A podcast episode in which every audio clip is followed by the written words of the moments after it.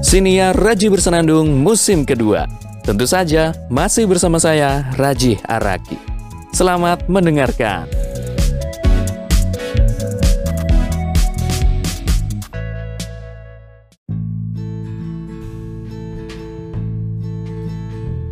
Waktu adalah salah satu musuh besar saya. Gak usah jauh-jauh. Contohlah event 30 hari bersuara ini. Harusnya saya daftar sejak awal aja, bukan pas hari ketujuh baru daftar. ini udah kayak kebiasaan gitu loh. Apa-apa pas mepet-mepet. Sebenarnya takut saya kalau ini bakal keterusan. Malah ketakutannya itu udah sejak zaman dahulu, sejak kuliah S1. Eh, keterusan sampai sekarang loh. Permasalahan waktu ini benar-benar menampar keras pipi saya pada saat perkuliahan S1 maupun studi master sekarang. Soalnya di kuliah itu banyak banget hal-hal yang harus tepat waktu. Persiapan administrasi yang harus jauh-jauh hari, deadline tugas, masuk kelas nggak boleh terlambat, Mana harus bagi waktu lagi sama aktivitas di organisasi kemahasiswaan. Kan dulu banyak saya join, bahkan sekarang juga masih join di Persatuan Pelajar Indonesia. Harus benar-benar bagi waktu. Pernah ada teman yang negur gini, Ji, mending siapin jauh-jauh hari deh. Kalau nggak salah, tentang KRS-an, kartu rencana studi. Kan mahasiswa harus merancang KRS atau rencana studi dulu kan? Nah dulu saya suka nunda-nunda. Temen saya ini ngingetin mending disiapin sejak awal. Sejak awal tanggal dimulainya KRS. Biar nggak mepet-mepet dan bingung. Dan ternyata saya masih aja nunda-nunda. Dan bener dong, akhirnya saya kelabakan waktu KRS di akhir-akhir. Nah sedangkan teman saya ini udah waktu awal-awal dulu. Orang-orang di sekitar saya bahkan ngecap kalau Rajih itu orang yang suka terlambat. Parahnya, beberapa orang ngecap kalau orang dengan background pendidikan dan organisasi yang sama seperti saya pasti juga suka terlambat. Ngecapnya itu sampai segitunya gitu loh. Padahal ya sayanya aja yang sering telat. Bukan dari orang-orang yang satu background pendidikan sama saya, satu background organisasi sama saya. Lu enggak sayanya aja gitu. Tapi capnya sampai segitunya. Stereotipnya sampai segitunya. Waktu skripsian dulu saya hampir ketunda sidangnya ke periode sidang skripsi yang selanjutnya karena kesulitan menghubungi dosen pembimbing untuk ACC kan nggak enak ya kalau memaksa dosen. Karena ya nggak bisa gitu kita memaksa atau tiba-tiba telepon dosen. Kita harus SMS dengan sopan dulu.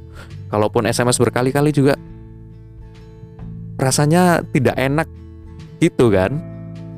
Nah karena saya merasa ini ya merasa bersalah akhirnya saya minta maaf ke orang tua kalau nggak bisa wisuda di periode ini. Eh bukannya di dipuk-pukin gitu sama orang tua maksudnya dipuk-pukin itu ya udah nggak apa-apa nak santai sabar kami mendukung nggak? Bukannya digituin malah dimarahin habis-habisan. Disuruh ngedatengin langsung rumah dospem. Waduh. Kebetulan memang rumahnya di desa sebelah. Untungnya beliau bisa ditemui dan mau ngasih ACC langsung pada hari itu juga sehingga saya bisa daftar nah pas ujian atau sidang skripsi evaluasi pertama dari para penguji itu gini. Saya itu orangnya bagus, berpotensi, pandai, tapi yang perlu dirubah adalah sikap kurang terpuji yaitu sering terlambat. Bayangin. Aduh. Yang dikoreksi bukannya soal skripsi malah attitude saya yang sering terlambat dan memang sudah terkenal gitu loh semua dosen-dosen sudah tahu. Terus lanjutannya gini, jangan jadikan orang lain harus menuruti dirimu karena orang lain juga punya kesibukan. Gitulah kira-kira.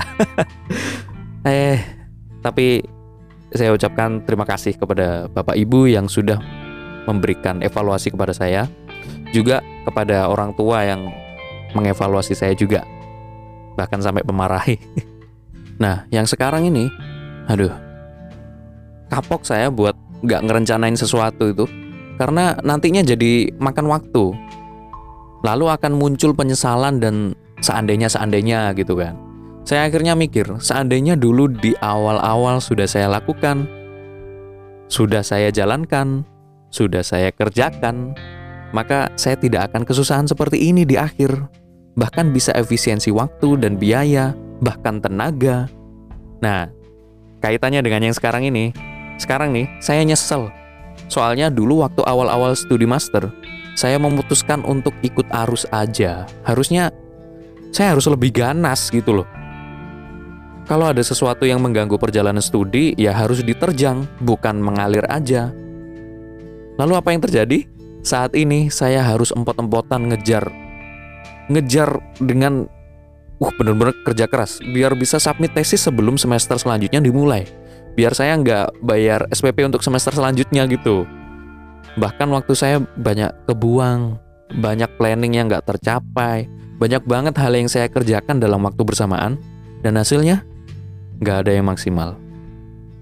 Saya sih berharap bisa berubah setelah ini, dan saya berharap juga untuk pendengar siniar Raji Bersenandung untuk bisa mengambil pelajaran, mengambil baiknya, dan nggak ngebully saya setelah denger ini ya. ya, saya saya mengaku saya memang inilah kekurangannya manajemen waktu masih buruk banget. Saya coba untuk perbaiki lagi semoga bisa lebih baik lagi.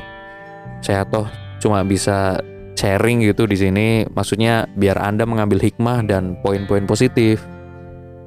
Bukan poin negatif termasuk kebencian dan julid. gitu sih. Gitu aja. Makasih banget sudah mau dengerin ocehan saya. Sorry banget kalau agak bulet bulat ya, bukan bulat tapi bulat itu maksudnya agak ke mana-mana gitu. Terima kasih, sampai jumpa di episode berikutnya.